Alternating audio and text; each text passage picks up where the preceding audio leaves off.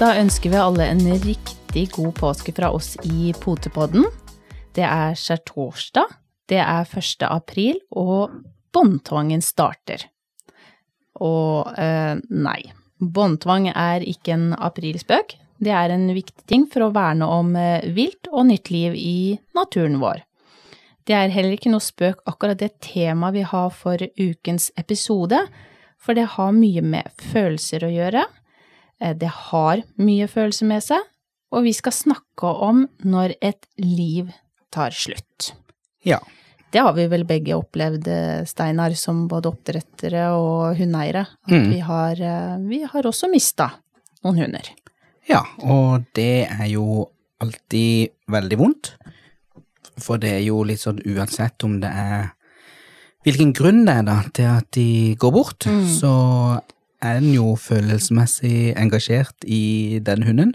Så ja, det er vondt. Det skaper tomrom og, og er ikke noe Det er ikke noe artig.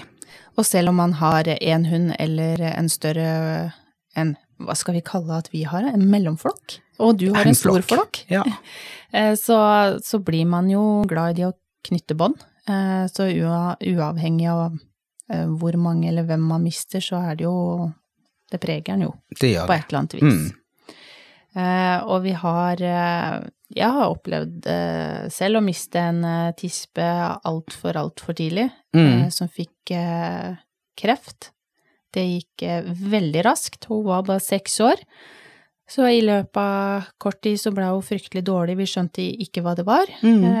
og fikk gå inn til veterinæren etter at hun ble funnet apatisk oppe i, i sofaen hjemme, og fikk inn eh, veneflon og litt væsketilførsel, og var ikke sterk nok til å, å bli åpna.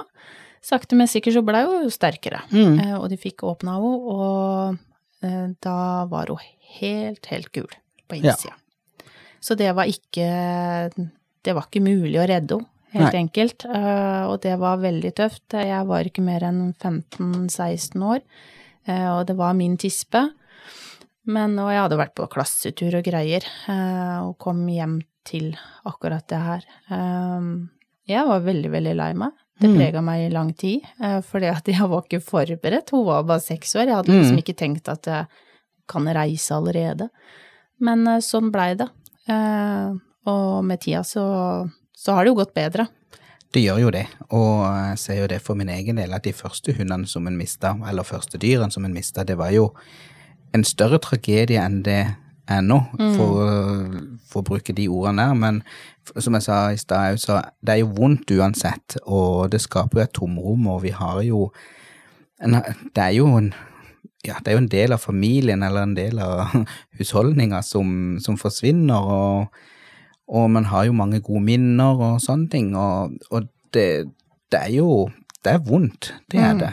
Og jeg har I og med at jeg drevet med hund og hatt dyr og sånn opp igjennom eh, i, i mange, mange år, men sånn i forhold til hund, da, så har jeg jo opplevd å miste hund av alderdom, som er det er heldigvis det mest normale. Mm. Og så har jeg opplevd at eh, hun har fått allergi og blitt så dårlig at de, ja, dyremessig velferdshensyn, måtte ta livet av. Og en har eh, opplevd å måtte ta livet av hunden som har blitt aggressiv og vært farlig for medmennesker. Mm. Har opplevd å måtte ta liv av nyfødte valper fordi det har hatt misdannelse. Og det kan også være ganske tøft. det er veldig tøft. Og også det å miste valper bare etter noen døgn, og miste valp etter halvannen måned fordi ting ikke var som det skulle være, og den gjør alt den kan og jobber med de, og sitter vakt vakter dag og natt og, Mm. og sånn, så, så det er mange Den har opplevd mange måter å miste en hund på, Mm. og hver og en eh, setter spor. Jeg husker jo, det og ingen jeg glemmer. Nei, Det, det gjør man jo ikke. husker jo alle, uansett. eh, det er jo individer eh, som Mm. man, man blir glad i, Ja. uansett om det er kort eller sånn. Mm. Det som man har kanskje som fordel når man som oppdretter og, eller har flokk, da, Mm. det er at man, man har flere rundt seg, Mm. som gjør at kanskje den sorgprosessen blir enklere. Ja, og for det kan jo ikke bare sette seg ned og ikke gjøre noen ting, for en har jo alle de andre som en må ta, Ja. ta vare på. De må jo ha mat, og de må ut, og de må trenes med, de må koses med. Ja, sånn at det, det er nok lettere å få tankene til å flykte enn å, måtte, enn å sitte igjen alene og ikke ha Miste noen den der. ene, ja. Miste den ene vennen. Og, og det tenker jeg også som er for mange som faktisk, ja, som er alene da, og som har en hund, og, og mister den, det må jo være et veldig, veldig tomrom. Mm. Og det er jo jeg, jeg tenker jo på det, har begynt å tenke på det og forberedt meg òg. Nå har jeg en eh, senior eh, som er tolv år, Mm. Um, og jeg er jo på en måte veldig forberedt at hun er eh, ikke en av de som, som kommer til å bli 15-16 år. Mm. Så man vet jo at tida begynner å renne ut, men jeg tenker det er viktig å ikke bare gå og tenke på at uh, nå, nå går hun snart bort, men Mm. heller nyte tida. Og det tror jeg er litt viktig, òg, at selv om en har eldre hunder og en ser at de blir svakere, de trenger mer ø, tilrettelegging og oppfølging og, som får klare hverdagen, da, så tror jeg det er viktig å, å nyte de stundene man får, Mm, og, og har igjen den, og bare sitte og tenke åh, kanskje til neste uke, eller kanskje om to uker at ikke hun er her, eller han er her, og begynner å tenke veldig på på hvordan livet skal bli etterpå, da, Mm. og glemmer å leve sammen med hunden de siste ukene eller de siste dagene og sånn òg, så, så det tror jeg er litt viktig å, å ta med seg, som du sier, det å, å å, nyte. s- fortsett å Mm. skape mange nye minner. Ja, det er veldig Eh, viktig. Helt til mot slutten, tenker Mm. jeg. Det er, eh, det er fint. Vi har også med oss litt eh, gjester i dag, Steinar, som har ulike erfaringer med akkurat dette temaet. Mm. Og, og først skal vi høre med noen som både er fagpersoner og hundeeiere. Mm.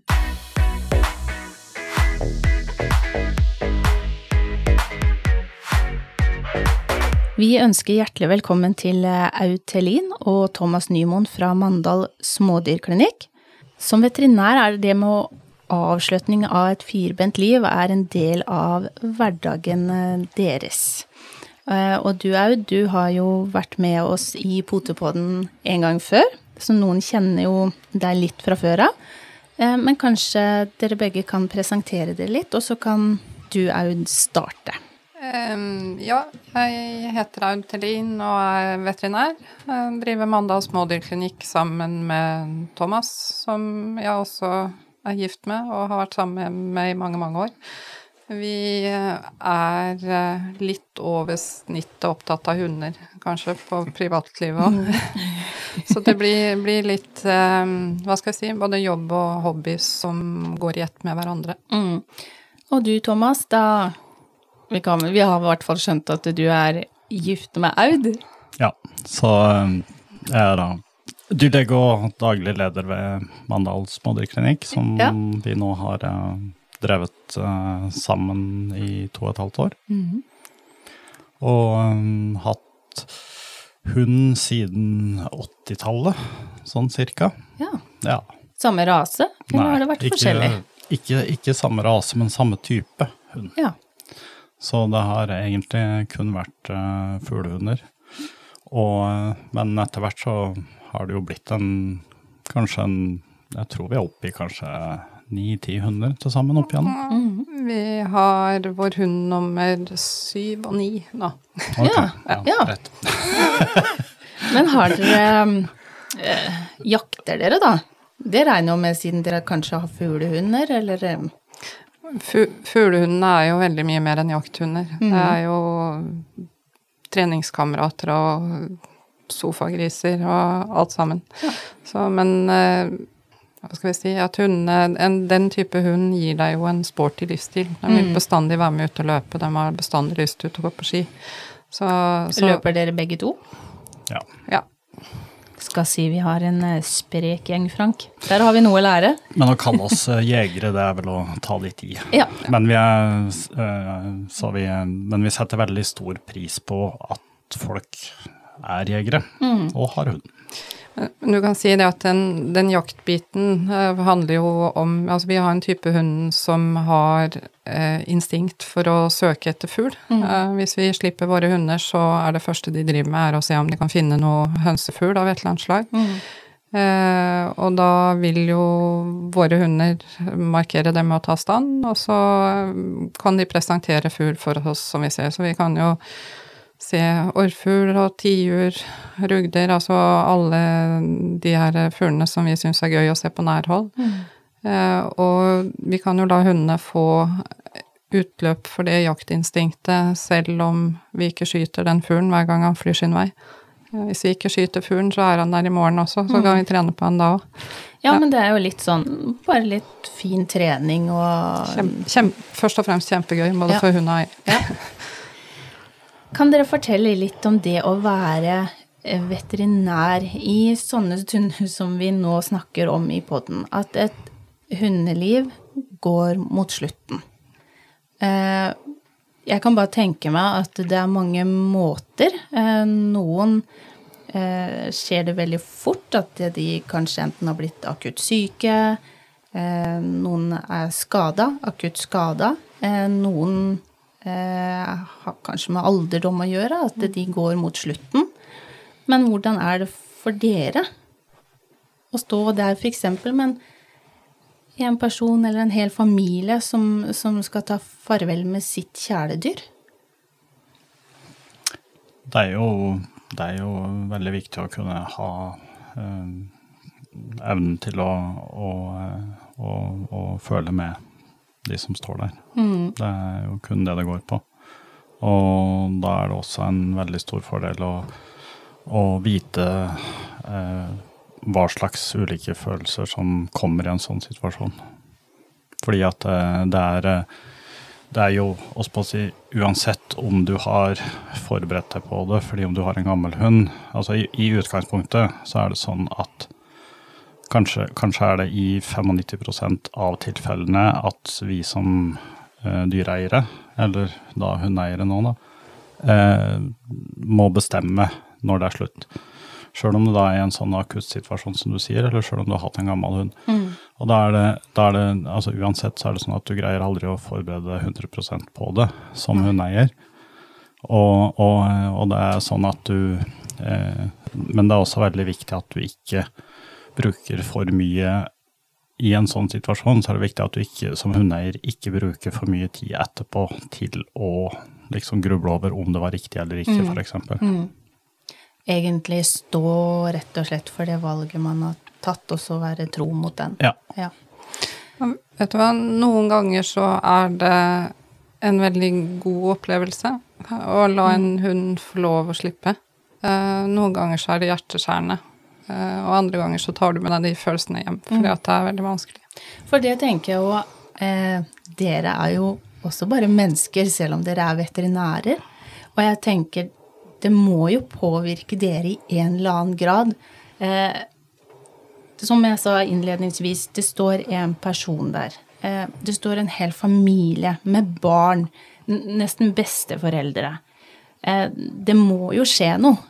Eh, dere er bare mennesker. altså Man kan jo ikke bare tenke at dere er veterinær, dette er dere vant med. Dere møter jo hele tiden mennesker som har forskjellige følelser, som reagerer helt forskjellig. Så jeg, jeg tenker at i den situasjonen, så i hvert fall for mitt vedkommende, hvis det er snakk om en hund da, som ikke skal være med videre, så tenker jeg det handler om to ting. Eh, Det ene er å være hunden sitt talsrør, ikke sant. Jeg skal til en viss grad prøve å se det objektivt og si hvordan passe opp eller Fido eller hva de heter alle sammen, ikke sant. Hvordan er livet, og hvordan er prognosene videre eh, hvis hunden er veldig hardt skada eller begynner å bli gammel og bærer preg av alderen. Eh, men, men så er det jo ikke jeg som skal være lei meg. Nei, ikke sant- nei. ikke sant? Jeg skal være der og også være en støtte for familien. Hundeeieren som skal være nødt til å ta valget, og hundeeieren som skal leve, leve videre med avgjørelsen. Erfaringsmessig for meg så er det sånn at eh, barn i en viss aldersgruppe eh, takler det kanskje noen ganger litt bedre enn foreldrene. Fordi at de er så direkte, så de spør. Ja. eh, og du kan forklare til en viss grad. Mm. Men først og fremst så handler det om å gi en hva skal vi si, en verdig avslutning, eh, og at det skal bli en god opplevelse som gjør, spesielt hvis det er barn til stede, at eh, det her er kanskje et minne de skal ta med seg resten av livet, ikke sant. Så det er veldig viktig å lage um, verdige rammer rundt den avslutningen. Og jeg tenker at vi har jo eh, verdens beste veterinærer, Frank, til vår store flokk som det har blitt etter hvert. Eh, og det er jo akkurat Aud og Thomas.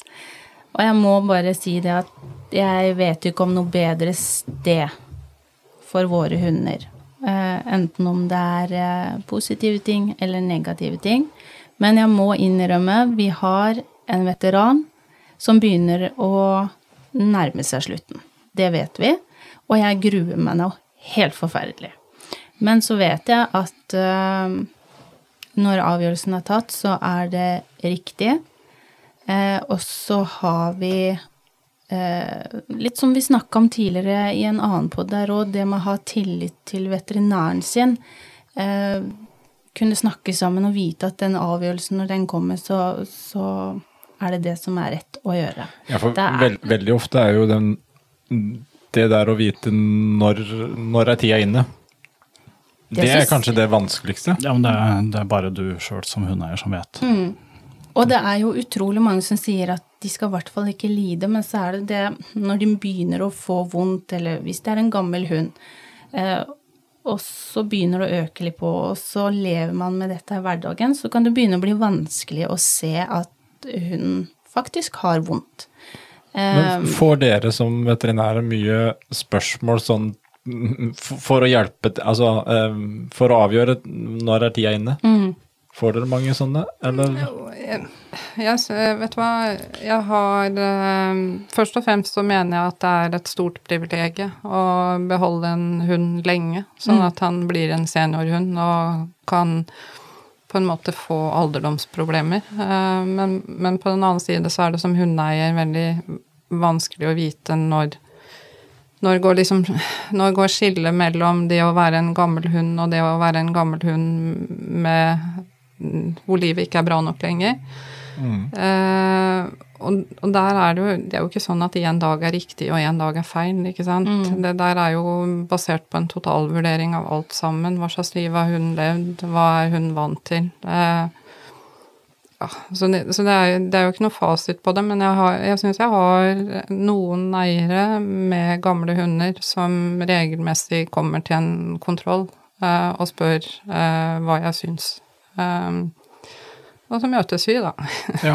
Hver andre til tredje måned, en periode av livet. Og så er det på en måte, tror jeg, eh, eiere som er litt eh, redd for å miste objektiviteten, og det gjør du selvfølgelig. Jo, men det, det er jo noe som vi alle er egentlig ganske klar over at det, det gjør man i en sånn situasjon veldig fort. Og, og det kan være godt å Hvor ha objektiv tror du dyrleger er med sine egne hunder, da?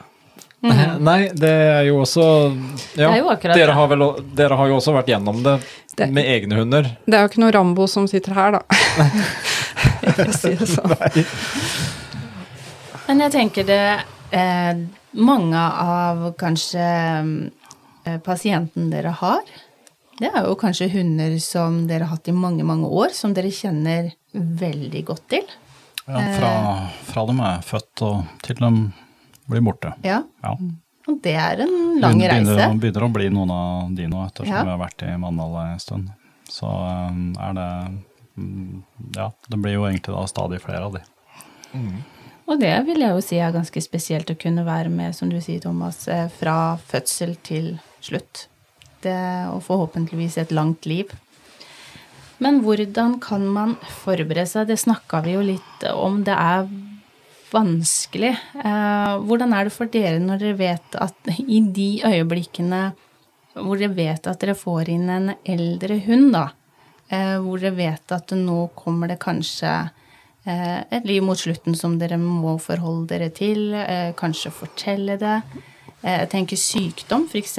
som eh, kreft eller andre ting hvor dere må formidle dette til eierne at det er ikke dessverre noe håp lenger?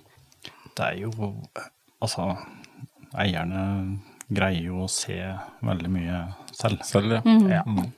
Det, det, er, eh, det er nok uh, forandra seg veldig mye de siste årene, med at eh, den biten der er, er vi kanskje en mindre del av enn vi var tidligere.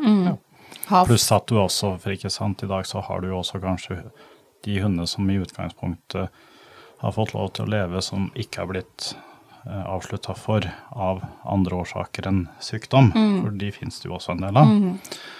Så er det jo sånn at da har du kanskje eierhunder som da har, som du sier, som er blitt gamle, kanskje har de gått på medisiner for ulike typer sykdommer, og da vil du komme til et visst punkt hvor du på en måte vet også at de er fordi at det, det, det er veldig viktig å ha den kommunikasjonen, at man, at man prater sammen underveis. Har du f.eks. en hjertesyk hund som du har fått lov til å ha noen år, med en veldig alvorlig diagnose, som du da kanskje vet at du vil komme til å miste, så er det veldig viktig at du da vet at eierne da vet hva de skal se etter, og hva, som, hva som vil medføre liksom lidelse for, for hunden å fortsette. Og da er det jo sånn at da tar jo eieren den avgjørelsen når, eh, når Ja. den tida har kommet. Så den, den, den kommunikasjonen der ligger mye tidligere i prosessen, egentlig for at eieren sjøl også skal kunne, som du sier, vite hva han skal se etter, vite hva han skal på en måte legge merke til som egentlig forverrer situasjonen.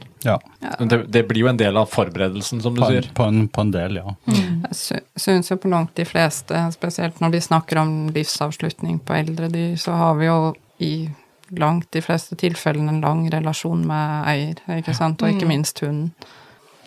Eh, jeg lurer litt på eh, hvordan gjøres det f.eks.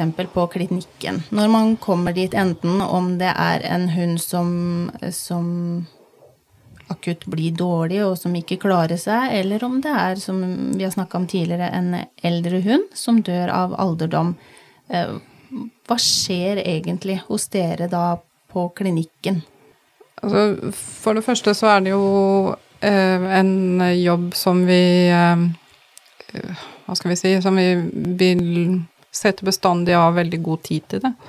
Eh, og vi, eh, har, vi er heldige å ha en stor klinikk, sånn at vi kan eh, fint ha plass til eh, flere familiemedlemmer inne, og vi kan også ha mulighet til å la eierne sitte der i fred og ro uten at eh, masse mennesker løper forbi og det blir urolig. Eh, men ellers så er det jo å komme inn og på en måte skal vi si, først og fremst prate litt med hunden, som vi i mange tilfeller kjenner veldig godt fra før. Mm. Prate litt med eierne, som vi i mange tilfeller kjenner veldig godt fra før. Uh, og Eh, Så er det første som skjer rent teknisk, er jo at den hunden får en bedøvelsessprøyte i nakken ofte, mm. som eh, er egentlig et narkosemiddel, så det vil si det at eh, eier vil miste kontakten eh, med hunden i løpet av 10-15 minutter. Eh, Langt de fleste eierne sitter jo der med hunden når han sovner. Hvis vi har eiere som er veldig, veldig, veldig opprørt, eh, og hunden blir eh, redd og urolig, så hender det at eh, kanskje eh, et opprørt familiemedlem går ut, og to andre sitter igjen for å på en måte at hun skal bli så lite stressa som mulig.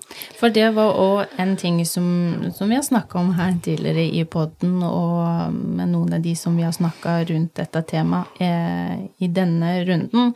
Hvordan kan man forholde seg i forhold til hva som er riktig eh, for hunden? Er det viktig at eieren er der, så lenge de klarer å holde seg rolige, eller er det bedre at de ikke er der? Bedre at de er der. Ja, Ja. Sånn at de får merke at du er der helt til slutt. Helt, eh, ja, du trenger ikke å være det helt til slutt. Det, det spiller ikke så veldig stor rolle, men det er veldig viktig at de er der til, sånn som Aud sier, til de 10-15 minuttene går, til, ja. til en eh, er i anestesi. Ja. Ja, til de har sovna inn litt. Ja, ja, det er det som er viktig, og resten eh, Resten er egentlig mer hva, hva eierne har lyst til. Ja.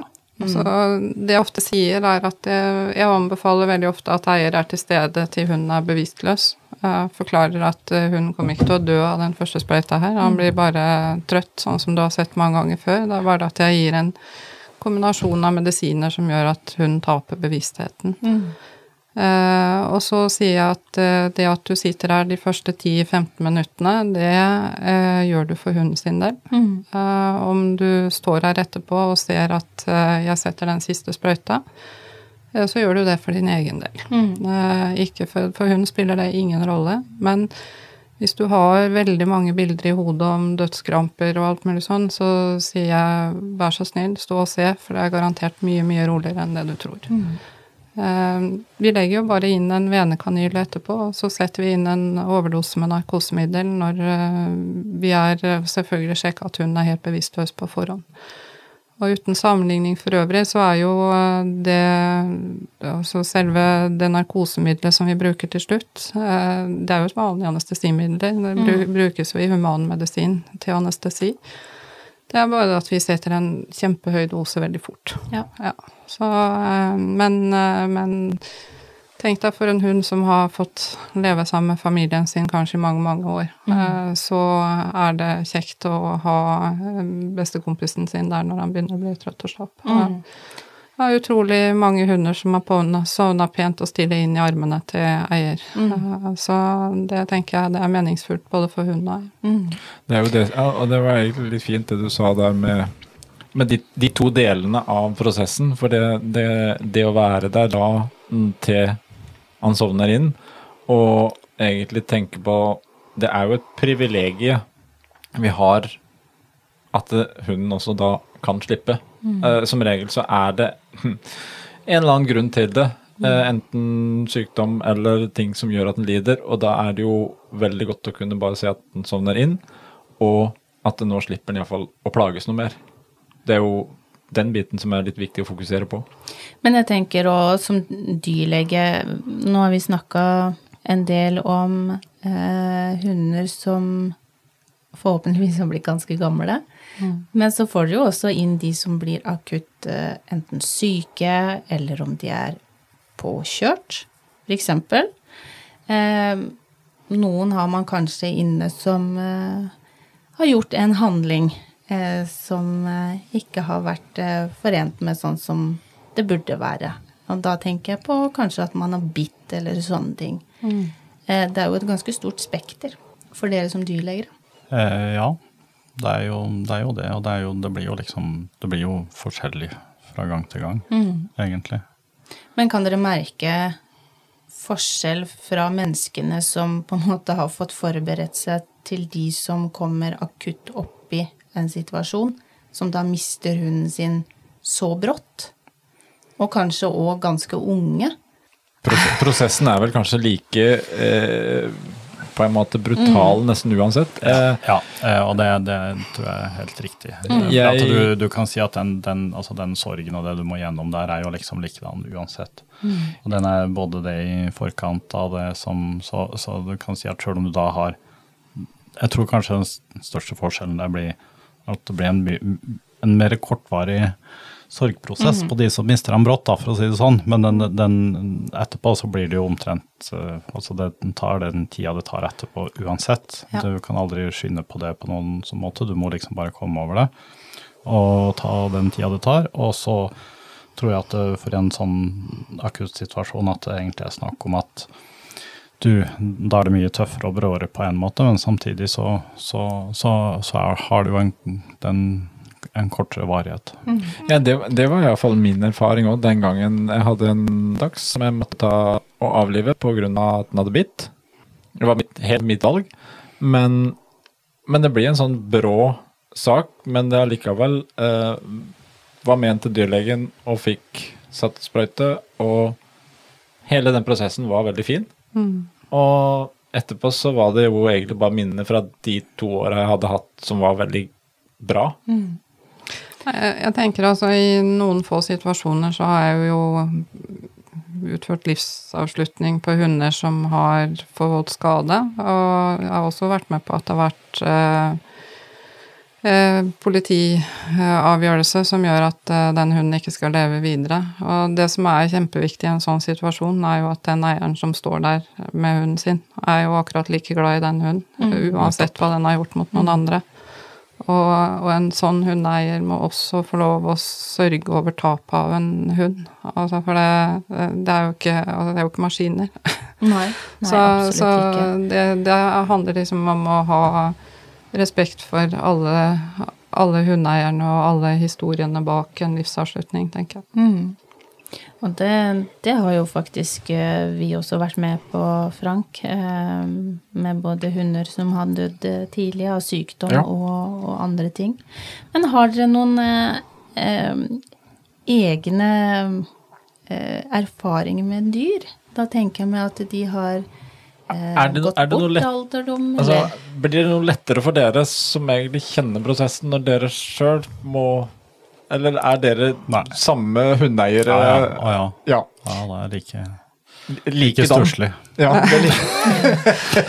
Men vet du, vet du hva, det, det er ikke lettere for oss, men jeg tror kanskje det er litt lettere for dyra våre. Eh, altså, hvis du da tenker eh, Pluto, snart tolv år, eh, elsker å spidde seg i halsen med pinner. Eh, To-tre ganger i året så er det liksom inn på klinikken, i narkose, trekke ut pinne, like glad hver gang. Og da er det sånn at når han kommer inn på klinikken, så kan jeg si hopp, og hopper han opp på bordet. Og så finner jeg fram en venekanyle, og så sitter han og strekker fram labben og lukker øynene litt, for han syns det er litt ekkelt. Eh, og så får han narkose, da, og så trekker vi ut binden, og så eh, er han eh, våkner han etter bedøvelsen, og så Nei, nå var pinnen borte, da kan vi gå hjem igjen. Og det er klart at eh, han eier jo ikke noe frykt i en sånn situasjon. Han blir ikke skremt for å komme inn på klinikken, nei. Nei. Og, og så- sånn sett så er det, er det lettere for dyra våre, men ikke noe lettere for oss. Nei. Eh, Rambo sitter her. Jeg har mista syv hunder til sammen, eh, og har slutta med hund syv ganger. Skal aldri mer ha hund. Eh, og så ramler du utpå igjen, ikke sant. Mm. Men dere har jo sikkert vært borti både ulykker og eh, Ja. alderdom på deres hunder, hvor de har eh, gått bort Ja. på en eller annen måte. Ja. Så det er jo Vi kan vel egentlig konkludere med det at veterinærer er faktisk som Like, folk like flest. mye Ja. mennesker som oss. Ja. Og det er Ålreite uh... dyr. Ja. Ja. Det er ålreit. Veterinærer også er ålreite dyr. Ja. Vi er veldig glad for å ha Jo, men, men, veterinærer. men der har du det der vi snakker om, altså som vi snakker også med både valpekjøpere, og som vi snakker om på CK, det der med å Når du kjøper deg hund, så er jo det der med at det, det tar slutt en dag, det er noe du må allerede på en måte være litt klar over. Og som vi sier, at det, det å opparbeide et godt forhold til en fast veterinær, det gjør noe både for deg sjøl og for hunden. Og så er det veldig veldig viktig også å huske på at eh, selv om det er fryktelig fryktelig stusslige perioder, og kanskje har du én hund, og så mister du en hund av en årsak, og så går det kanskje tre måneder, og så mister du hund, har du en hund til som du da mister. Mm. Eh, og så har du det Så skjer det liksom veldig fort på hverandre. Da har du noen sånne helt fryktelige perioder, og så må man da vite å sette pris på de periodene som da kommer, hvor du plutselig har hund eller hunder som lever i år etter år etter år uten at det er noe bekymring i det hele tatt. Så Bare spinner seg på pinner. Ja, ja. ba, bare spinner seg på pinner. Det høres jo ikke helt godt ut for Pluto, men på en måte så er det litt godt å høre at selv veterinærenes hunder trenger veterinærer. Ja. De er ikke helt feilfri. Jeg hadde selv om vi hadde verdens vakreste engelsetter, Eh, svær, flott hannhund, 30 kilo. Eh, verdens snilleste. Eh, som eh, dessverre var veldig dårlig i beina, så vi mista han jo altfor tidlig. Eh, og um, da, had, da hadde jeg bedøvd han, eh, og det var eh, ikke noe vei utenom. Det var eh, det siste som skulle gjøres. Eh, og jeg liksom beit tenna sammen. og så eh, tenkte jeg at nei, nå skal jeg ikke gråte før han har sovna. Og så holdt det ikke helt i mål. Og det siste den hunden gjør, er å stikke fram snuta og slikke meg før han ser at jeg begynner å gråte. Ja. Ja. Sånn Der kan det har- også være. Der har man igjen et, um, et godt bilde på hvorfor kanskje være der I ja. hvert fall den stunden som du sa også. Ja, Eh, jeg har også opplevd eh, å få en hund påkjørt i gangfeltet på Nodelandseia for mange år siden. 22. desember. Eh, bilfører stopper ikke, eh, bare kjører videre. Eh, jeg står noen hundre meter unna, og hunden er borte, jeg greier ikke å finne han igjen. Jeg kjenner systemet, så jeg begynner å ringe. ikke sant? Begynner å ringe alle klinikkene i Kristiansand og sier at hvis dere får inn en påkjørt eller hardt skadd engelseter, så ring meg for at jeg har mista hunden min. Begynner etter hvert å ringe til eh, eh, politistasjonen. Og jo, de hadde funnet en uh, ihjelkjørt hund, som de sa, eh, i uh, gangfeltet, og den var plukka opp og kjørt til uh, Falken i Kristiansand. Uh, han var ID-merka. Uh, bilen min sto noen hundre meter unna. Ingen, ingen ja. som hadde gidda prøvd å få tak i meg, og vi var der oppe og fant han, med, og var jo påkjørt og med knekt nakke. Så, så det er liksom Det er en historie bak hver hund du mister. Og, og det er på en måte et eh, Hva skal vi si Det er et eh, liv og en historie bak hver eneste hund vi avslutter med. Eh, og jeg tror det at den livserfaringen eller den erfaringen vi har med egne hunder og kan ta med oss inn i det her, det tror jeg er kjempeviktig for å kunne hva skal vi si, gi empati til de som står der i en veldig vanskelig situasjon. Det er jeg veldig, veldig enig i. Eh, ikke minst at dere har erfaringa, dessverre, med å miste, miste hunder òg, men, men jeg tenker det gjør at man har forståelse for at noen har det veldig, veldig tøft eh, når man står eh, mot slutten. Nå er det veldig greit, altså, for den er uh, flott, verdens flotteste pointer. Han uh, har vi en avtale om at han, han skal være evig. Det er ikke verst. Det, det høres ut som en bra avtale. Fineste Pelle. Ja, Ja. ja. Nei, men jeg tenker det at vi har fått et veldig, veldig godt innblikk i hvordan en veterinærs hverdag kan være når det kommer inn eh, hunder som enten eh, skal avslutte sitt liv av alderdom, eller om det er andre ting, så har vi fått litt eh, greie på hvordan, hvordan det er. Og så tenker jeg det at man kan vel kanskje si at det er lov faktisk å vise følelser eh, som eier når man kommer inn. Vet det er noen som vegrer seg veldig for det. Eh, å være lei seg, gråte eh, når ens bestevenn reiser. Men det tenker jeg det er helt, helt lov. Så vil jeg takke Thomas og Aud for at dere var så sporty å kunne stille opp her i Botebodden hos oss. Eh, med Skulle bare akkurat- mangle, vi får jo så mye skryt. Ja. Så det er vi som skal takke. Ja, det var hyggelig å høre. Det er jo ganske hyggelig å ha egne veterinærer i poden nå, altså. Ja. Sånn fast, fast podveterinær. ja. Nei, det er ikke bare det at vi får skryt, vet du, vi får det tatt opp på bånd, så vi kan liksom høre på det igjen.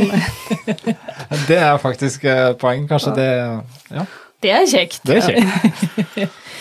Tusen, tusen hjertelig takk for at eh, dere ville bidra i Potepodden. Og så ønsker jeg dere en riktig god påske. I like måte. Tusen takk.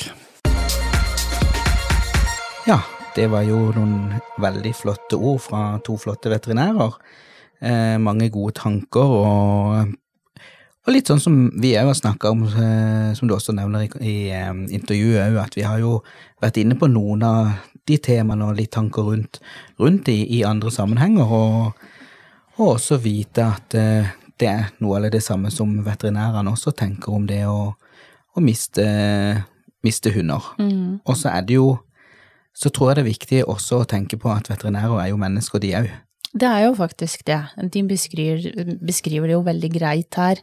eh, hvordan de opp, har opplevd det både privat med sine egne hunder, og eh, ikke minst eh, i jobbsammenheng eh, Mm. som veterinær. Eh, Mm. At de eh, Det kan være tøft for de òg. Eh, alt avhengig av eh, hvem som står der, hvilke hunder, eh, situasjon. Mm. Jeg syns det hadde vel vært mer eh, skeptisk hvis en hadde møtt på veterinærer som ikke hadde noe følelser for det. Mm, ja, jeg er helt enig. Det, Og så syns jeg de beskriver det veldig eh, menneskelig, eh, Mm. hele prosessen. Ja. Eh, og de forskjellige måtene de er eh, borti pasienter på. Mm. Så det, men det var jo noe som, eh, som ble nevnt òg, det var jo dette her med medisinering og sånn òg, og da har, leste jeg jo her for noen dager siden, det ble jo postet, jeg husker ikke hvilken avis som hadde skrevet det, Dagbladet eller VG, som hadde skrevet eller postet en artikkel om en veterinær som mente at den nå i disse dager eh, kanskje overmedisinerte hundene sine. Og det tenker jeg kan eh, Det tenkte jeg bare fall da jeg leste at det kan nok være ganske riktig at en bruker mye mer behandlingsmetoder og lar det gå kanskje litt for langt før en velger å avslutte et liv. Mm. At en tenker kanskje litt mer på seg sjøl og sine egne følelser og hvor vondt det er å måtte eh, skilles med en bestevenn, og kanskje la det gå litt for langt, for vi har så mange mange andre muligheter enn en hadde for mange år siden, da, til å kunne holde liv Mm. i, i dyrene. Men så må en jo kanskje tenke da på hvilket liv de har når dette står på, da. Ja. Vi har vel uh, litt tendens til å bli litt for ego, vi tobente. Uh, Ja. og tenker kanskje mer på oss sjøl enn på hunden. Og det var jo som Aud sa her òg, at uh, noen ganger så er det en fantastisk fin opplevelse, og det der å la hunden få slippe. Mm.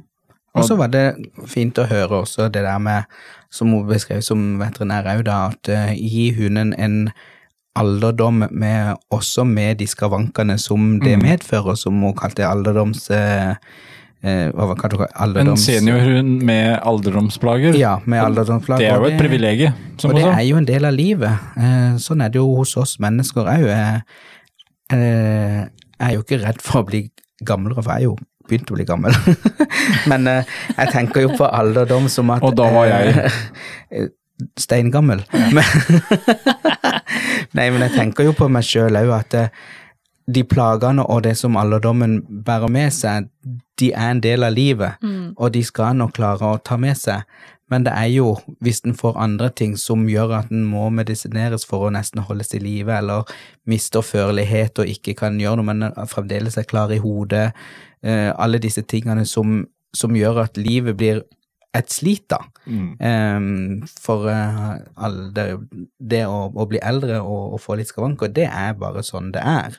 Eh, men det er jo selvfølgelig vanskeligere å finne ut eh, rekkevidden av, plagene da hos en hund, siden den ikke sier noe. Sånn at det, det, det er jo vi til syvende og sist som må ta den, den avgjørelsen. Og så syns jeg var eh, veldig fint det som Thomas også oppsummerte med, eh, når man har eh, tatt valget, eh, at man ikke går og eh, tenker i ettertid at eh, var det riktig eller eh, var det Mm. ikke riktig, men eh, man har tatt det valget, Mm. og, og det var eh, sånn det blei.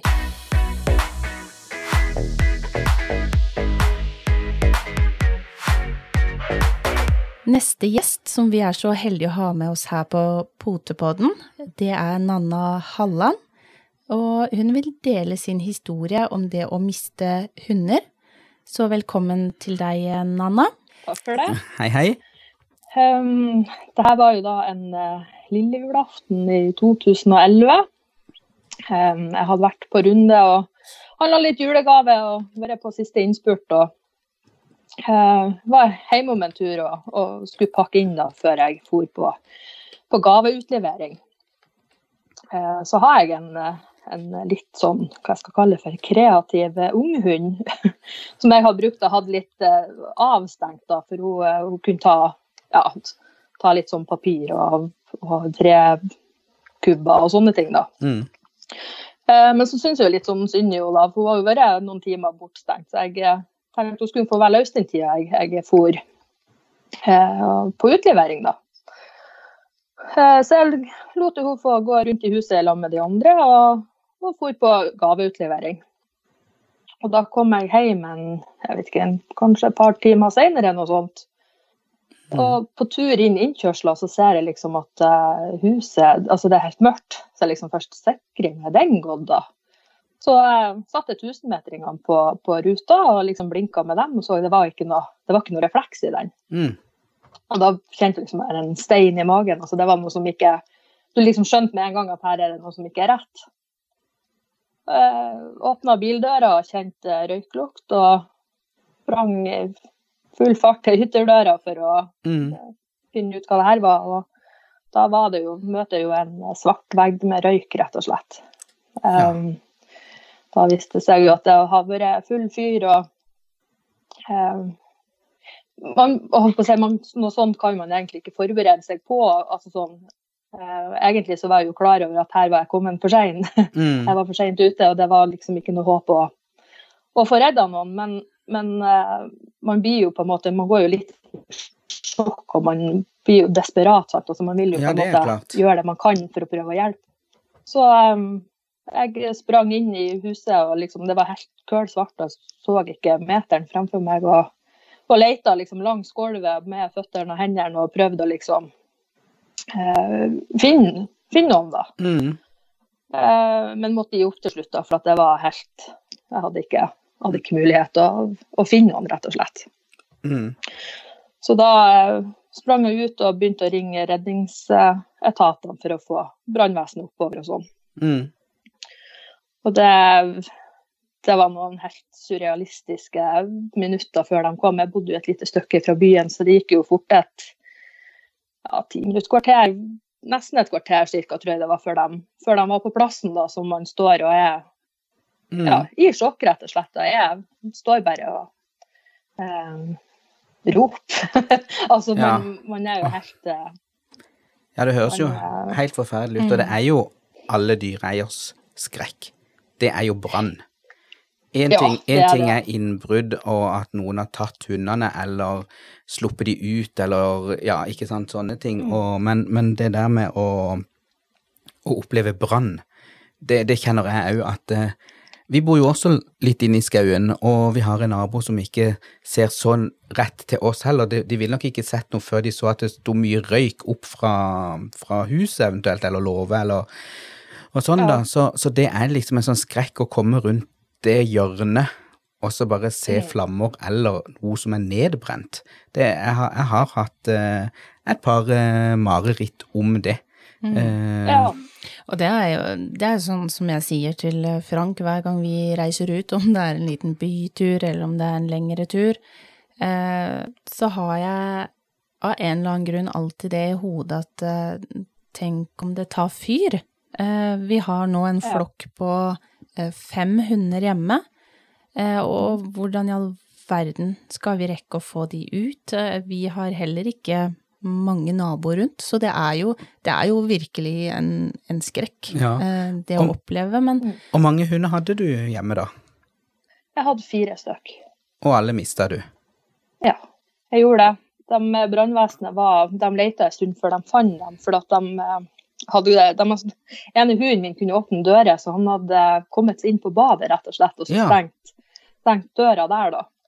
Men eh, de var, fant dem til slutt da, og kom springende ut med De prøvde på den ene tispa jeg hadde, og prøvde hjerte-lungeredning og prøvde å gi oksygen og sånn, da, men det var, det var for seint. mm. Men, eh, Mm. men det var ikke, det var ikke brann, det brant ikke når du kom hjem, det var bare røykutvikling? Det var, det var litt flommer, men, men den var i ferd med å bli kvert, holdt jeg på å si. Ja. at Den var, det var ikke noe Nok oksygen til inni, nei. nei. Nei. Uff. Mm.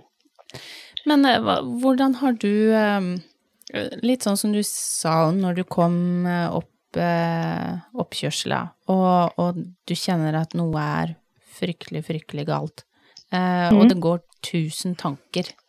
Eh, hva tenker du i forhold til det å eh, Du vet at det er fire hunder der inne. Eh, du vet ikke hva eh, du kommer til å møte av et syn. Eh, som du sa, du møter en svart vegg, men du får ikke gjort noe. Eh, det går vel ganske mange tanker og kaos og alt på en gang. Ja, det er ubegripelig hvor, hvor mye man egentlig rekker å tenke på Mhm. på så kort tid. Og jeg, Mange, mange løsninger på kort, kort Ja. tid. Og jeg tenker på Mm. den tida du bare må stå og vente på at eh, brannvesenet kommer og Altså, man rekker faktisk på de 10-15 minuttene å tenke ganske mye, og all den fortvilelsen over eh, over tapet, som du da skjønner har, eh, har gått den veien det har gått. Mm. En Men- ting han var jo kanskje det å, å ha opplevd at hundene, hvis det var noen igjen da, som sto og bjeffa, at du visste at det var noe, men når det er helt, helt stille, Stille. den følelsen å stå der og vente, og så, og så ikke egentlig en lyd. Mm. Nei, den er, den er helt forferdelig, rett og slett. Det er eh, Jeg kjenner nakkehårene røyser bare jeg snakker om det, rett og slett. For det, Ja. det, det var ikke noe, ikke noe særlig opplevelse. Men det var jo òg, jeg holdt på å si eh, mens jeg venta, for jeg ble fri for strøm på telefonen. Og Mm. nødetatene ville jo ha meg på tråden da, i og med at jeg hadde sagt at jeg hadde vært inne og, og sånne ting. da, Så de var vel litt bekymra for at jeg skulle sprenge inn igjen. da, Jeg var Ja. alene der, så. Mm. Eh, så jeg sprang over til, til naboen for å få låne telefonen der, da.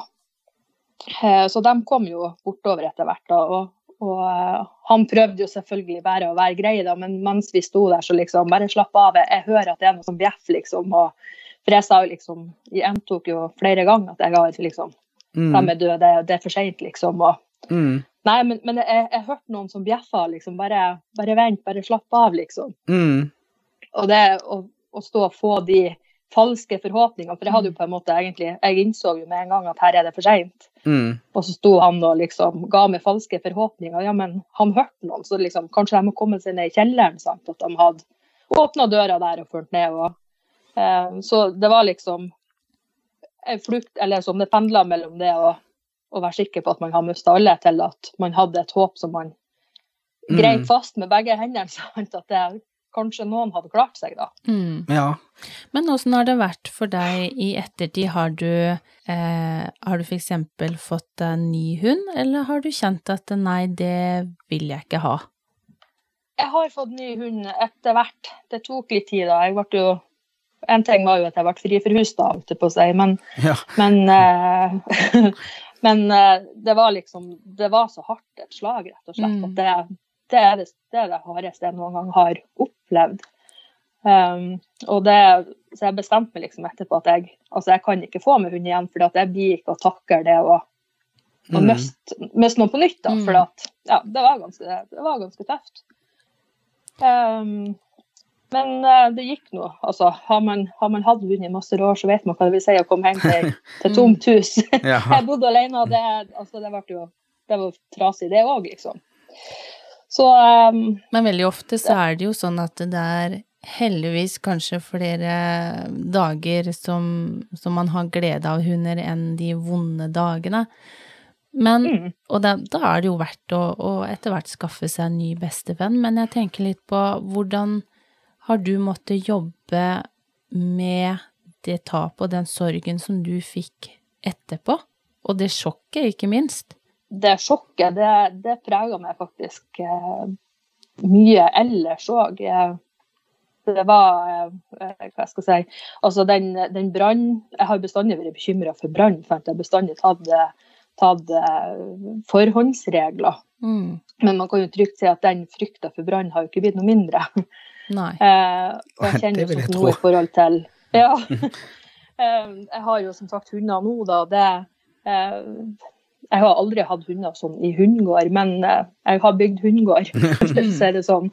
Det, så når jeg drar hjemmefra, så blir de satt ut, rett og slett, for eh, Altså, det kan jo alltids begynne å brenne der òg, men sjansen er fryktelig mye mindre enn inne der man har ganske mye elektriske apparater, da. Mm. Så, eh, og det er jo sånne ting. Og det, sånn som etter at jeg fikk meg hund òg, etter brannen, så eh, det tok lang, lang, lang tid før at jeg kunne sette igjen en hund hjemme, ja. Mm. Mm. Og det var ingen Og de gangene jeg måtte gjøre det, så, så, eh, så hadde jeg ikke ro i sjela. Og det var liksom ikke før jeg var kommet inn ytterdøra liksom fått sett at her er det er greit, Ja. liksom. Og så blir de gangene kanskje bedre og bedre for hver gang. Så, ok, det gikk greit i dag òg, og så gikk det greit, og så blir det Du vil jo alltid tenke på det, det tror jeg det. Jeg tror jo aldri det vil slippe Mm. taket, men du vil kanskje få en litt større ro og kan si til deg sjøl at men nå har det jo gått greit de siste to årene eller tre årene, og, og, og, og roe seg litt det på det, men tanken vil nok alltid alltid ligge der. Det, vil, det tror jeg han hadde gjort hos meg òg. Han vil jo ligge i underbevisstheten. Ja. Men jeg lurte litt på, vet du hva som skjedde for at det skulle begynne å brenne? Vet du, var det tygging av ledninger, eller var det velting av ei lampe som har tatt fyr i no, noe, eller fikk du vite noe? Ja, Noe svar, de mener jeg. eh, Ja, de fant brannårsaken, og det, det er jo rett og slett bare tragisk og ironisk. For eh, det var rett og slett et PC-batteri som hunden har fått Ja. tak i. Um, for jeg hadde en PC som hadde laderen i konstant, jeg holdt på med noe sånn at PC måtte stå på. Og det er Mhm. liksom, har du spenning som står på over tid, så er det jo en brannrisiko. Mm. Så jeg har tatt ut PC-batteriet og lagt det på sida av PC-en. Eh, og det hadde mest sannsynligvis den unghunden har fått tak i. Og eh, hadde tatt med seg i en Jeg hadde en sånn stressless av stoff. Ja. Eh, Så har den vært så varm? De, de har bitt hull i den. Ja. Oh, ja. Eh, Mm. og det er sånne litiumsbatterier, de er sjølantennelige. Så når hjørnetanna, eller når tennene da hadde punktert batteriet, så tok det fyr av seg sjøl. ja. Og det har en sånn her eksplosjonslignende eh, kraft Altså sånn Det, det brenner ganske kraftig Mm. når, eh, når det blir slått hull på, da. Så det var det som var, var årsaken. Så de, hadde, de fant da noen utbrente celler da fra, fra det batteriet som lå i, i det som var igjen av ramma av stolen. Mm. Og det er jo nesten litt sånn brann som man ikke Altså, tenker over batterier, og man, man tenker jo på ledninger, at man må dra Mm. ut eh, kaffedrakteren. Det er jo det eh, jeg tenkte nå med en gang. Liksom, Er det noen ledninger som er tygd over, eller er det noe som er velta? Men Mm. liksom bare det å tenke på at det Ja, som en PC da, som ligger og lader, eller noe PC sånt. eller Telefon. Mo mobiltelefon. Ja. Eh, vi ser jo stadig vekk historier om brann Mobiler som tar fyr. Ta, ta fyr om natta. Mm. Så det er klart at det, det du sier om litiumbatterier der, er jo en skremmende faktor.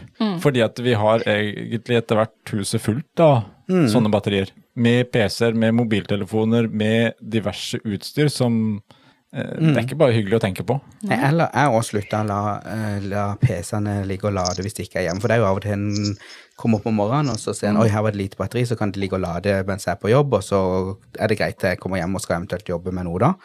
Men eh, det var òg en gang som jeg hadde Da hadde vi vært borte, det var i helg, tror jeg. Og så skulle jeg bare Så hadde PC-en lada seg ferdig, og så skulle jeg ta ut av den og kjente hvor varmt det batteriet var blitt, for det var jo en eldre PC. Da fikk jeg litt sånn oh shit, tenk hvis det hadde ligget enda lenger og bare begynt å ulme på bordet eller på duken eller ikke sant, sånne ting. Så da, heldigvis så var det jo ikke gjort noe der, da, men, eh, men da fikk jeg jo litt sånn guriland og varmt det ble, jo som en ovn. Så det eh, Og det er det som er, Man har jo mye sånn her liggende, så det er mye som man ikke tenker over. Ja, jeg har bestandig ment at jeg sjøl hadde ganske kontroll på det med brannsikkerhet. og mm, Jeg jobba jo som vekter på den tida, og der var jo en del av jobben min. og eh, når jeg var på bedrifter, det å, å oppdage risikoer for, for brann. Vi tok ut eller ledningen til kaffetrakter, og vi slo av hvis det var noe som sto på. og sånne ting. mm, Og det hadde jeg ganske gode rutiner på, på hjemme. Og tidligere den dagen for eksempel, så hadde jeg satt opp juletreet, så var det brudd på ledninga. Da var liksom ut med kontakten og ut med treet. Det, ja, ja. det skulle ikke jeg ha opp. Mm, Men eh, batteri, det hadde jeg ikke Jeg hadde ikke tenkt tanken engang på det. Og det, det var jo ikke før etter den brannen at jeg fikk forstand på hvor farlig de faktisk er. Og som det ble sagt her i stad, man har jo huset fullt. Og det, det er langt ifra alle eh, batteriene som har god kvalitet. da. Mm. Altså Man kjøper billige batterier som vi produserte i Kina. holdt jeg på å si. ja, ja. det, det er, det er en grunn, håper jeg, har jeg lært da etter hvert, at det er greit å eh, Sånn som det med originale batterier, at man Mm. bruker det som det er laga for. da. ja. For Og det er jo en oppfordring til, til alle å, å gå og sjekke rundt. Skal du være lenge vekke en dag, eller noe som huset skal stå tomt over veldig mange timer, da, så gå gjennom alle stikkontakter og se er det noe som ikke trenger å stå til lading mens den er borte. Og bare ha i det som en holdt på å si, må ha som kjøleskap og fryser, og selvfølgelig kan skje ting der òg, men i hvert fall alle disse små duppedingsene som fort kan bli overoppheta og, og, og kan være brann... Men også, også her, som Nanna forteller, at det lå jo et batteri. Det sto Mm. ikke til lading engang, Nei. men hundene kunne få tak i det. Eh, Så det er klart at eh, ja, Og det er jo to ekstra runder i huset hver gang den går ut. Jeg kjenner at det kanskje blir lagt inn nå. Ja. Men jeg forstår veldig godt det du også har gjort da med hundegård, selv om, som du sier, det kan jo skje ting der òg, men men sannsynligheten er jo faktisk mindre. Eh, Mm. Så den, den tanken følger jeg veldig opp. Mm. Eh, etter Vi har jo også snakka om det, siden vi har også så mange hunder som vi har, at eh, å bygge en hundegård eh, som er store deler er under tak, da, sånn at eh, skal vi være vekke i mange timer og, og, og sånn, så kan de stå ute til vi kommer hjem, da, og har lunt og kunne gå inn i noe hus og, og sånn òg, så, så ville jeg jo kanskje følt meg litt tryggere over lengre tid, og, og i hvert fall sånn som vi òg som bor i et gammelt hus. Eh, så det mm. Nei, det var, det var jo eh, det som gjorde jeg, Sånn som før, så hadde jeg aldri altså, Jeg liker ikke det at hunder skulle være i hundegård. sant? Det var liksom ikke helt meg. Jeg hadde dem bestandig inne i lag med meg, eller så var de med meg når jeg for bort. og det, Mm. Men, men jeg skifta fort meninger, og det, mm, den, eh, den er gull verd, for at jeg har en helt annen ro når jeg det er Mm. det, altså Er det kaldt, og sånn, så er jo hundene på vinteren på, når det er på det kaldeste tida, så er de jo inne. Men, men jeg har på en måte fått det litt på avstand. da, kan du si. Jeg har Mm. fått, funnet roen med at det går greit å lemme dem hjemme. Ja. Det, de, har jo, de er jo under tak, det, altså det er jo et hus og de har, går inn og ut som de vil, kan dra ut i luftegård. og det, det at de har den muligheten òg, at om at det skulle begynne å brenne, så, så kommer de seg ut, i hvert fall. Mm. men der òg har du jo litt det som vi har snakka om tidligere, Steinar. Veldig mange som er motstander av f.eks. bur. Men jeg Mm. tenker, har du valper og, og sånne ting som ehm, lett kan bite på ting, så er det jo bedre å sikre de da i et eh, bur, eksempel, enn å la de gå løse, og så biter de over noe som potensielt kan være brannfarlig, som kan Mm. sette i gang noe. Eh, noen bruker jo valpebinger, og noen valper holder seg jo innafor valpebinga. Men noen klatrer over og kommer seg jo fri. Det har jo vi Dere har jo en, hatt en som har vært veldig til å klatre. Ja.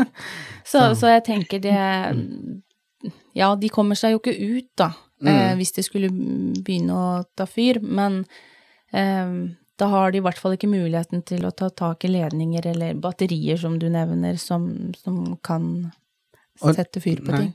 Eh, og, og, og hvilket år var det? Du sa det jo i begynnelsen, men jeg husker ikke det. Hvilket år var det det skjedde? 2011. Ja, så det er jo ti år siden i år, da. Eh, Hvor lang tid vil du si at det tok før du følte deg noenlunde trygg igjen på å Ja, som, som du sier, nå går det greit, du kan ha de inne på vinteren og, og, og sånn, men selvfølgelig, som jeg sier, det, du vil jo alltid tenke på det, da. Men når følte du at liksom, ok, nå, nå, nå tror jeg det Eller ja, du skjønner kanskje hva jeg mener? Ja. Ja. Det var vel sånn helt egentlig så var det ikke før jeg flytta fra huset jeg bodde i. Jeg bodde i Mo i Rana når det her skjedde, og flytta ned til Trøndelag i 2014. Mm.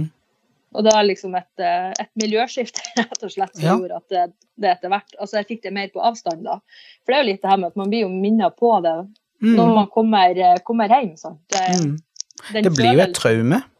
det var rett og slett det. Og det, det prega meg eh, i arbeidssituasjonen òg i, i ettertid. Altså det, jeg sleit faktisk med det. Mm. Um, og det Altså den følelsen som jeg fikk når jeg kom, kjørte inn innkjørsler og, og skjønte hva som skjedde, altså den, den følelsen stakk jo i meg flere runder når jeg, når jeg Mm. kom hjem. Sant? Altså du, du får jo sånn flashback, rett og slett. Ja, ja du Ikke det at det var jo hver eneste gang jeg kom hjem, men, men eh, det var veldig ofte i begynnelsen. Men det ble jo Altså lengre og lengre tid hver gang. følelsen òg som dukker opp, og en Det husker jo jeg òg, hvis det har Mhm. skjedd både positive og negative ting, så kan en så er det noe som trigger og minner en på hva som har skjedd.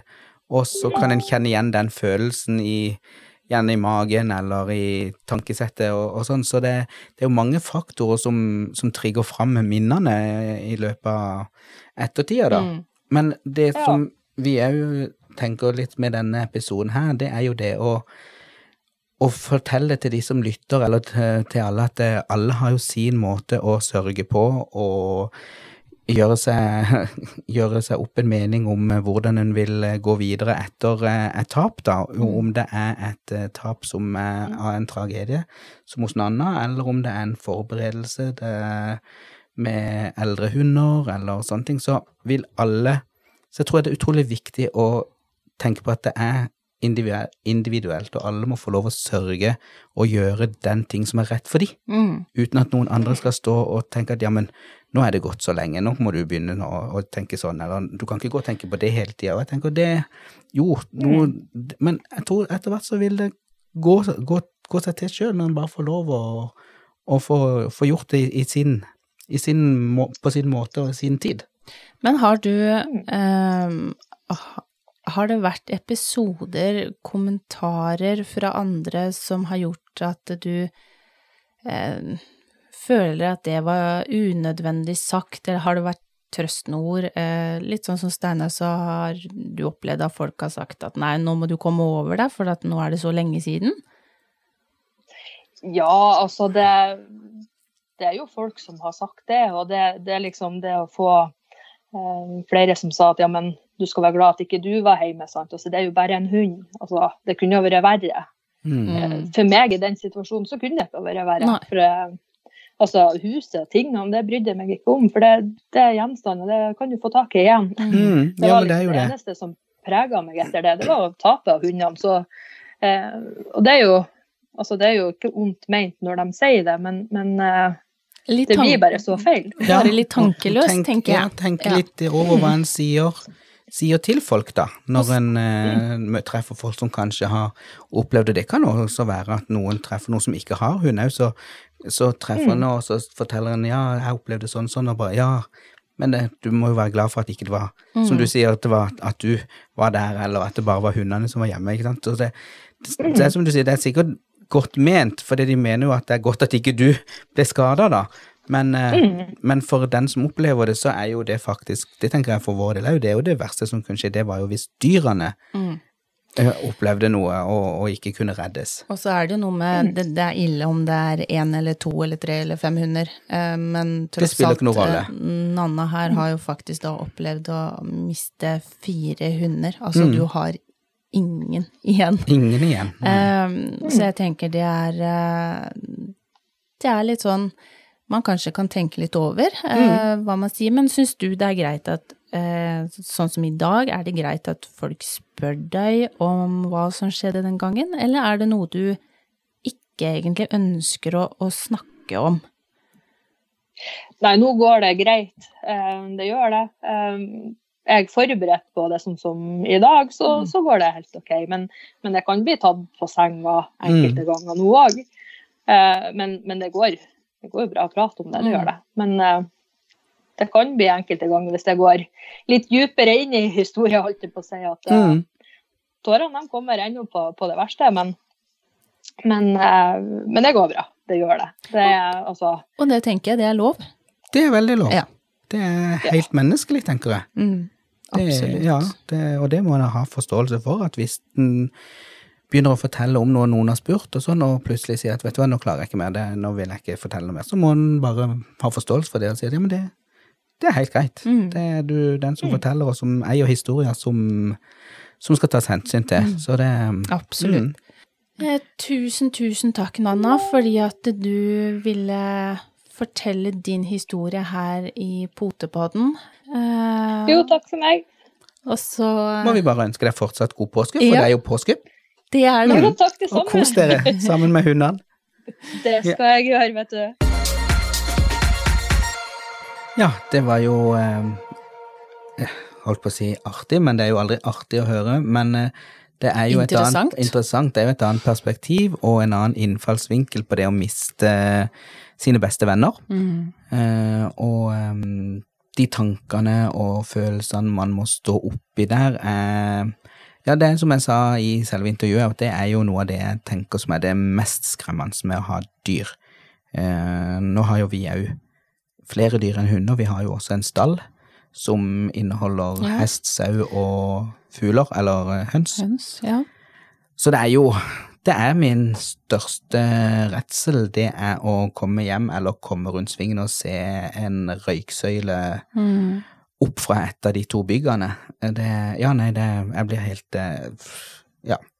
Ja, det er, det er ikke mye hyggelig, og jeg tror det er veldig mange som, som tenker akkurat de tankene. Eh, og vi snakka jo litt med Nanna om det også. Dette skjedde jo eh, 23. desember, eller lille julaften, Mm. eh, og vi spurte jo henne også litt om hvordan jula har vært for henne i ettertid, eh, hvor vi fikk til svar òg at Mm. det har vært kjempetøft. Eh, Mista all julestemning. Jula blei ikke det samme. Nei.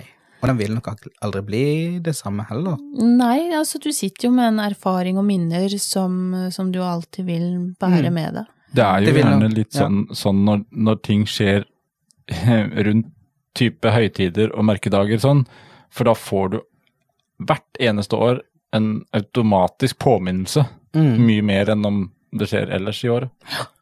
Så nei, det er, det er en sterk eh, historie Mm. eh, som jeg eh, ja, Mm. absolutt ikke vil ha med i min erfaring. Men Mm. eh, det er sånt man ikke velger. Vi får ta vare på hundene våre og, og sette pris på hver dag hvor vi er eh, ekstremt privilegert, uansett eh, om det er gamle eller unge hunder.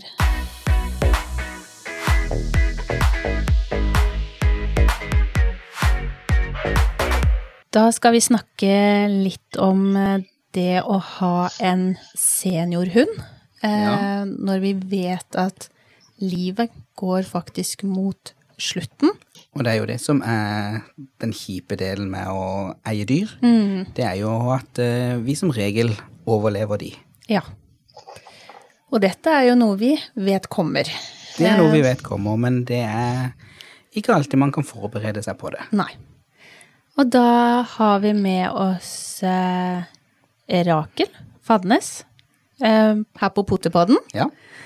Eh, du har en eh, eldre hund, det som vi kaller for en eh, senior, som eh, nå er eh, 16 år gammel.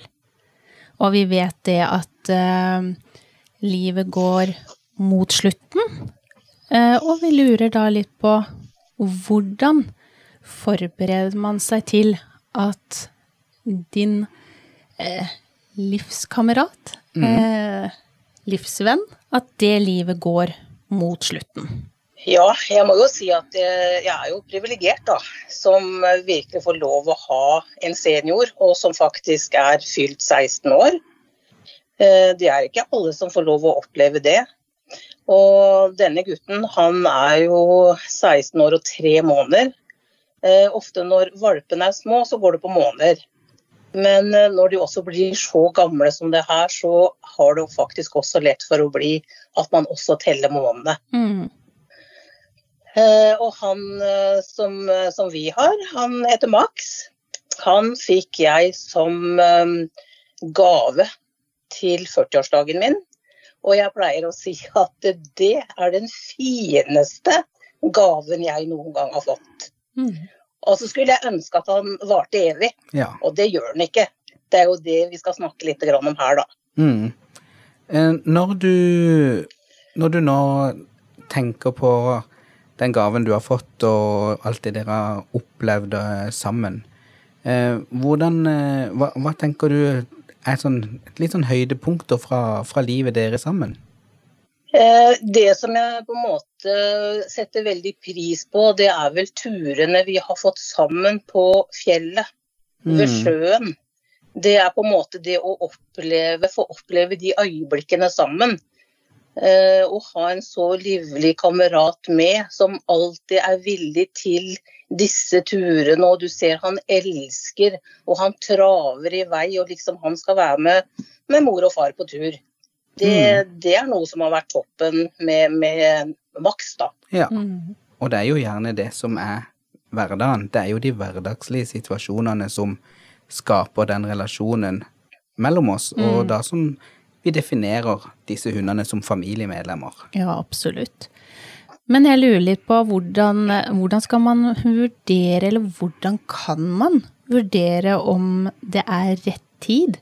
Og hvem skal hjelpe til med akkurat den avgjørelsen at nå er det rett tid for den firbente å få slippe? Eh, Jeg syns egentlig at eh, det er kanskje en eh, ting man skal ha gjort opp på forhånd. Fordi at når den dagen kommer, den kan komme fort. Det kan være mange ting som man kommer borti. Eh, Og sånn som vi, da, som har fått lov virkelig å ha maks så veldig lenge, så tenker jeg det at eh, dette skal man kanskje ha tenkt litt om på forhånd. Mm. For eh, det kommer veldig mye følelser akkurat når dette her skjer. Og jeg har jo egentlig kanskje et lite håp om at Eller i hvert fall jeg håper at han skal få slippe å ha det vondt. Mm. At han skal bli veldig syk og, og ha det vondt og sånn. Så jeg tenker vel egentlig at eh, det beste hadde kanskje vært om han at han bare hadde fått lov å sovne stille inn. Mm. Uh, Men det er ikke sikkert vi får oppleve. Og jeg tenker at da er det på en måte viktig å ha tenkt litt igjennom. Og der er, jo, eh, er det jo viktig at man har en bra kommunikasjon med veterinæren. Eh, At man på forhånd kanskje har snakket litt om hvordan man tenker. Det kan jo vi gjøre som på en måte har en så gammel hund. Mm. Eh, at vi kan forberede på en måte hva gjør vi den dagen. Og det er jo noe vi har snakka litt om hjemme også. Hvordan, hva gjør vi? Hva, hvordan har vi tenkt dette her? For vi har jo på en måte tid til å forberede dere litt mer, da. Ja. Og så tenker jeg også sånn som dere som har eh, eldre hunder og, og sånn altså, Hvordan skal jeg formulere det? Eh, hvilke tegn har han gitt for En ting er alder, man vet jo at de, at de dør av alderdom òg, men hvilke tegn tenker du også er en indikasjon på at nå begynner det å, å røyne på? Jeg tenker vel egentlig at for meg så er det viktig at livskvaliteten, den skal komme aller først. Mm. Og da, når jeg sier livskvalitet, så tenker jeg jo på at Max eh, Jeg ser at han fortsatt er livlig. Han eh, går tur, men han går kanskje ikke så lange turer. Det må vi også tenke på i forhold til alder.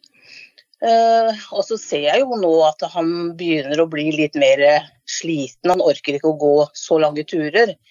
Eh, så vi må ta hensyn til de tingene. Og så er det på en måte vel det at jeg ser om har han det bra. Det er det som er viktigst for meg. Mm. Og så har jeg liksom bestemt meg for at jeg må legge de følelsene til side. At jeg vil jo helst beholde han så lenge som mulig.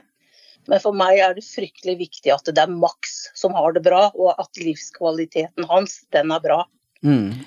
Og det er jo det som er så viktig, eh, det som Rakel sier der med å se de små endringene som tyder på at ting må justeres, da. At du har kanskje ikke den samme spreke hunden, men at du må legge til rette. Og, og det er jo også med på at du kanskje kan ha den lenger enn det du kanskje hadde hatt hvis du hadde bare kjørt på og ikke tatt hensyn. Absolutt, og, og det kan jo også være sånn som med mat, at de eh, kanskje ikke spiser like mye, eller noen slutter å spise. Eh, nå har jo ikke Max gjort akkurat det. Eh, han, han er jo veldig glad i mat og i godbiter, og det er selvfølgelig ikke alle harde godbiter eller bein han kan spise lenger. Det er jo begrensa hva, hva noen gamle tenner klarer å, mm, ja, tygge over, da. Men så kom jo det her med eh, vanskelig valget også når de har eh, reist fra oss. Eh, og det er skal man kremere de, eh, eller skal de begraves? Altså da tenker jeg at de, de går i den store mengden med At de går i en, et hva heter det? Kremer, krematoriet. Krematorie. ja. Ja. Sammen med mange, mange andre hunder også, og så forsvinner de på den måten. Det òg er jo et vanskelig valg. Hva tenker du rundt akkurat det? Eh, hadde du spurt meg litt tidligere, så hadde jeg kanskje svart noe annet. Men vi har faktisk to urner fra før av. Eh, og eh, de urnene står ikke framme. Eh, og det er litt bevisst egentlig også, fordi at eh, det er like trist uansett. Mm. Og de hundene som vi har urne på, den ene er faktisk um, en, en gutt som heter Snoopy. Han ble over 15 år. Mm. Han har vi urne på. Og så har vi en annen som uh, ikke ble uh, så gammel.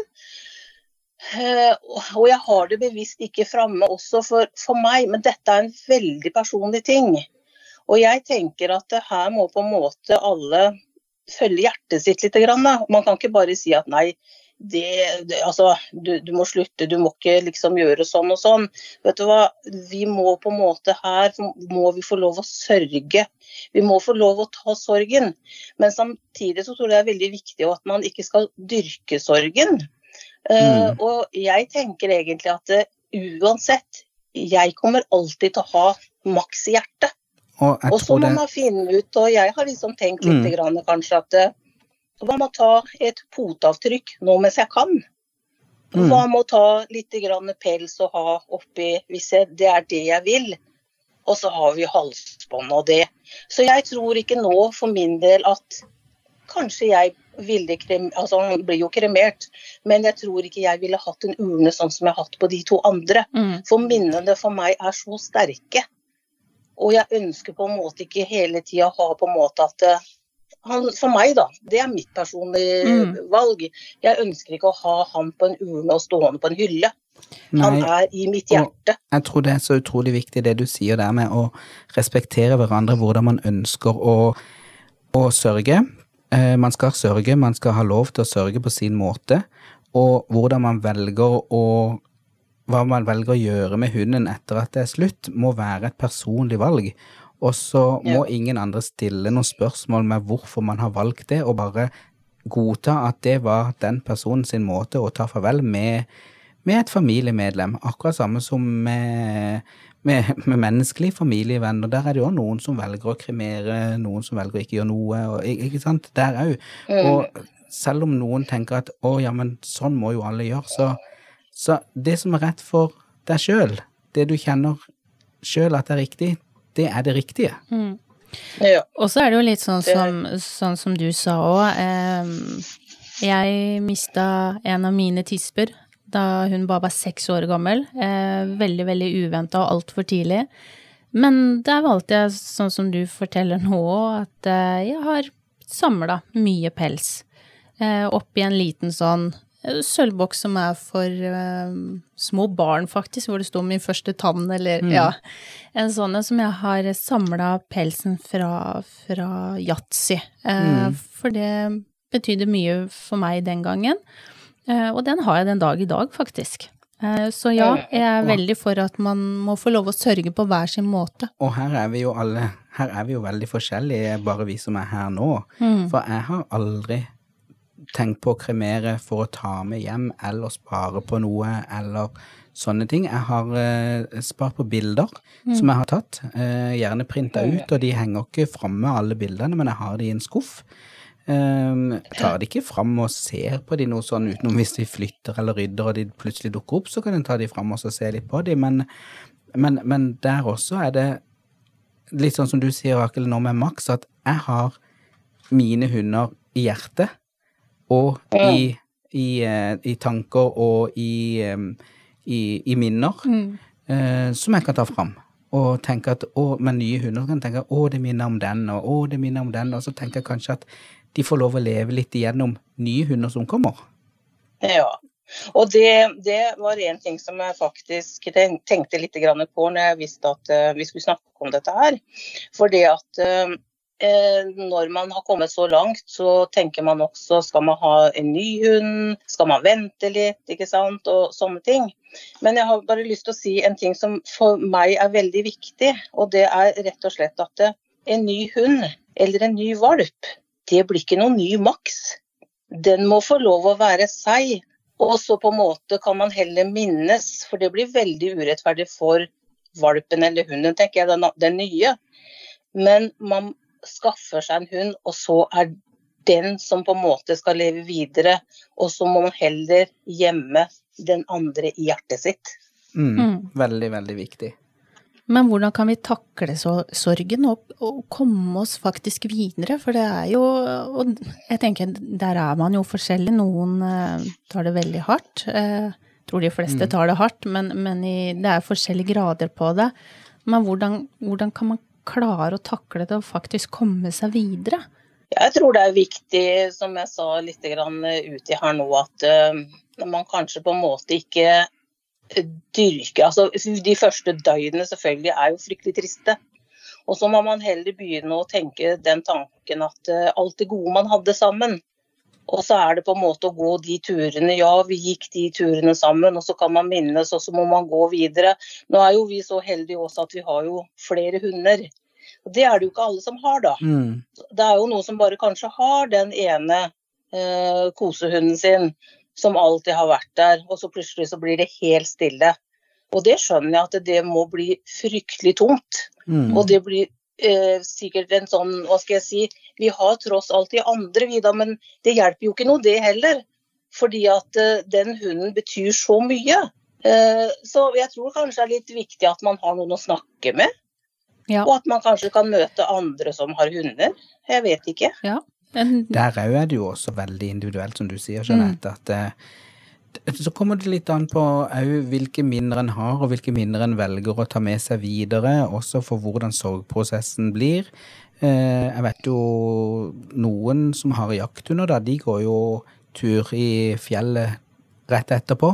For det var der de kobla av, det var der de var sammen og sånne ting. Noen eh, går til et sted som de syns er Som gir de ro eh, for å tenke gjennom ting. Andre bruker tid på andre ting. Så jeg tenker det, det er også så forskjellig. Og, og, og det, det dummeste, eller det tristeste jeg hører, det er jo noen ganger at ja, men åssen kan kan du klare å gjøre sånne ting når du nettopp har tatt livet av hunden din?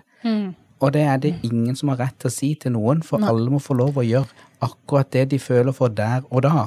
Og kjenne på sorgen på sin egen måte. Så Ja.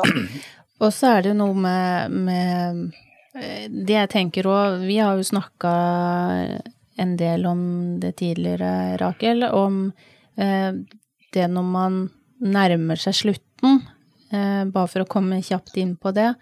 Eh, skal man være sammen med hunden? Eh, skal man levere hunden fra seg? Der vet jeg at du har vært veldig bestemt på at eh, man er sammen Eller du ønsker i hvert fall å være sammen med hunden helt til siste slutt. Eh, at de skal kjenne at, eh, at du er der. Ja, det, det er jo meg, og det, og det står jeg for òg. Fordi jeg tenker Tenk den hunden som har vært sammen med deg, sånn som for min del, da. Helt siden han var åtte uker, eller om han har vært litt eldre. Og så skal vi på en måte forlate den akkurat i den siste biten. Og jeg er faktisk der. eh, Så kan man si hva man tenker og tror og alt det der. Men jeg er ganske sikker på at når man kommer til den siste fasen, for vi har jo vært der, så vet Og jeg husker så veldig, veldig godt Det var jo spesielt Snoopy, da, som jeg fortalte om helt i begynnelsen. Eh, Og han, han ble jo veldig syk på slutten. Og jeg husker da var vi hos veterinæren. Og da husker jeg han la seg i fanget. Og da husker jeg den tryggheten. Og da tenker jeg også at det videre med de som er friske, men på en måte blir så gamle og det kommer ting på. Vet du hva, jeg skal være der til den siste timen har kommet. Mm. Og det tror jeg òg er så viktig eh, for, for alle hunder. Eh, og jeg tror, uten å Nå skal jeg ikke si bastant det, men jeg syns jeg har lest noe om det med å ta farvel med hunden, og det kontra det å være der og ikke være der. Eh, og en gammel hund som blir forlatt alene òg, vil jo også kjenne på den energien som vi eiere har når vi går ifra han. Og da lurer på hvorfor er du i den sinnsstemningen som du er, og er kanskje for svak til å kunne gjøre noe, og kanskje ja, føle den ensomheten og, og, og reddheten, fordi de skjønner at det skal skje noe. Ja. Eh, det er jeg Mm. Ja, det overbevist om, at, at de skjønner det. Uh, og, men, men eh, så er det noen som ikke klarer det. Eh, og Mm. jeg har eh, opplevd det mm, at eh, men, Og da kjente jeg den hunden veldig godt. Eh, og da ble jeg spurt om, om jeg kunne være der Ja. sammen med hunden Ja. til slutten. Eh, og, og det gjorde jeg, og det var en veldig fin, fin ting å få, å få gjøre eh, for den hunden som jeg kjente, når eier syntes dette ble for tungt. Så, eh, så det er jo mange ting, men jeg tror det viktigste er at hunden føler at det er noen rundt den som en er trygg på. Mm, Helt, helt det er jeg helt enig i. Ja. Men da tror jeg kanskje også det er viktig litt grann når man har muligheten at man kanskje Man går jo gjerne til samme veterinær, ikke sant. Mm. Og bruker den samme veterinæren. At man kanskje lufter de tankene, øh, holdt jeg på å si, eh, på et tidspunkt da, hvor, hvor man har fortsatt muligheten til å kunne liksom Sånn ønsker jeg det. Mm. For jeg, jeg har vel også hørt om andre som ikke har fått lov å være der helt til slutt. Ja, det skulle Da ikke hadde vært nok, år. eh, skal jeg være helt ærlig, da hadde jeg nok funnet en annen veterinær som Mm. hadde ønska både hunden og oss rundt velkommen til Mm. klinikken. Eh, Jeg vet også at det er eh, Noen tilbyr at man kan komme hjem og at Mm. hunden får lov til å sovne inn eh, hjemme der hvor den faktisk bor. Mm. Så, så man har mange ting man eh, kan ha i tankene og Og jeg vet jo også om, om veterinærer som har egne sørgerom. Som Ja. de kan komme inn i og sitte i en sofa, det er fine blomster der. Mm. Eh, Det blir ja, dempa belysning, og alt blir gjort for at det skal bli en god stemning. Og så får, eh, får eieren lov å sitte der sammen med hunden til, til det er slutt. Det har faktisk, Og lov å sitte eh, etterpå.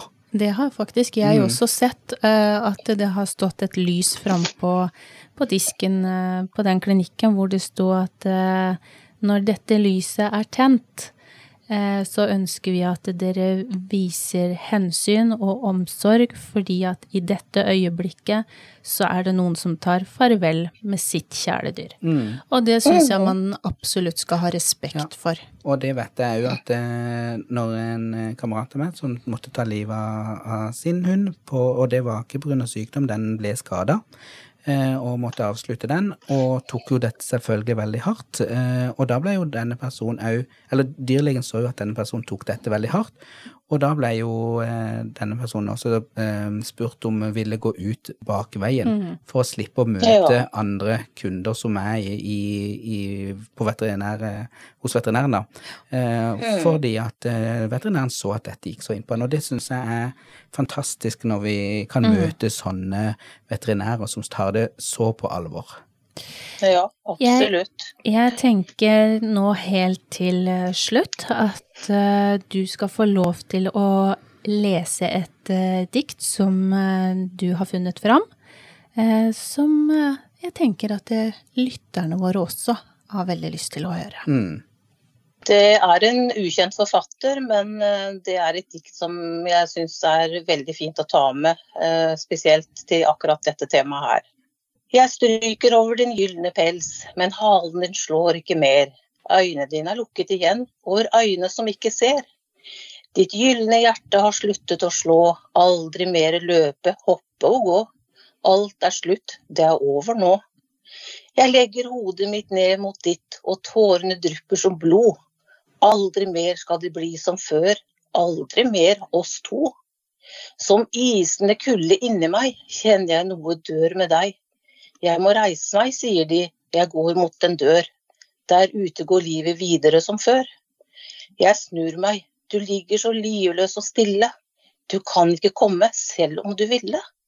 Skriket vil ut, men jeg lukker min munn. Hvem var det som sa? Bare en hund.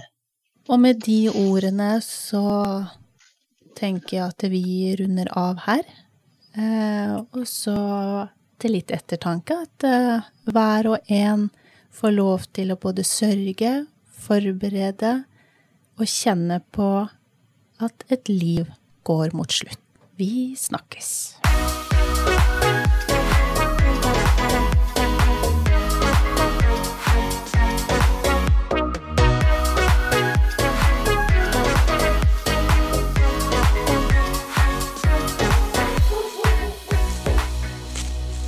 Potepodden, firebent prat laget av ckakademiet.no.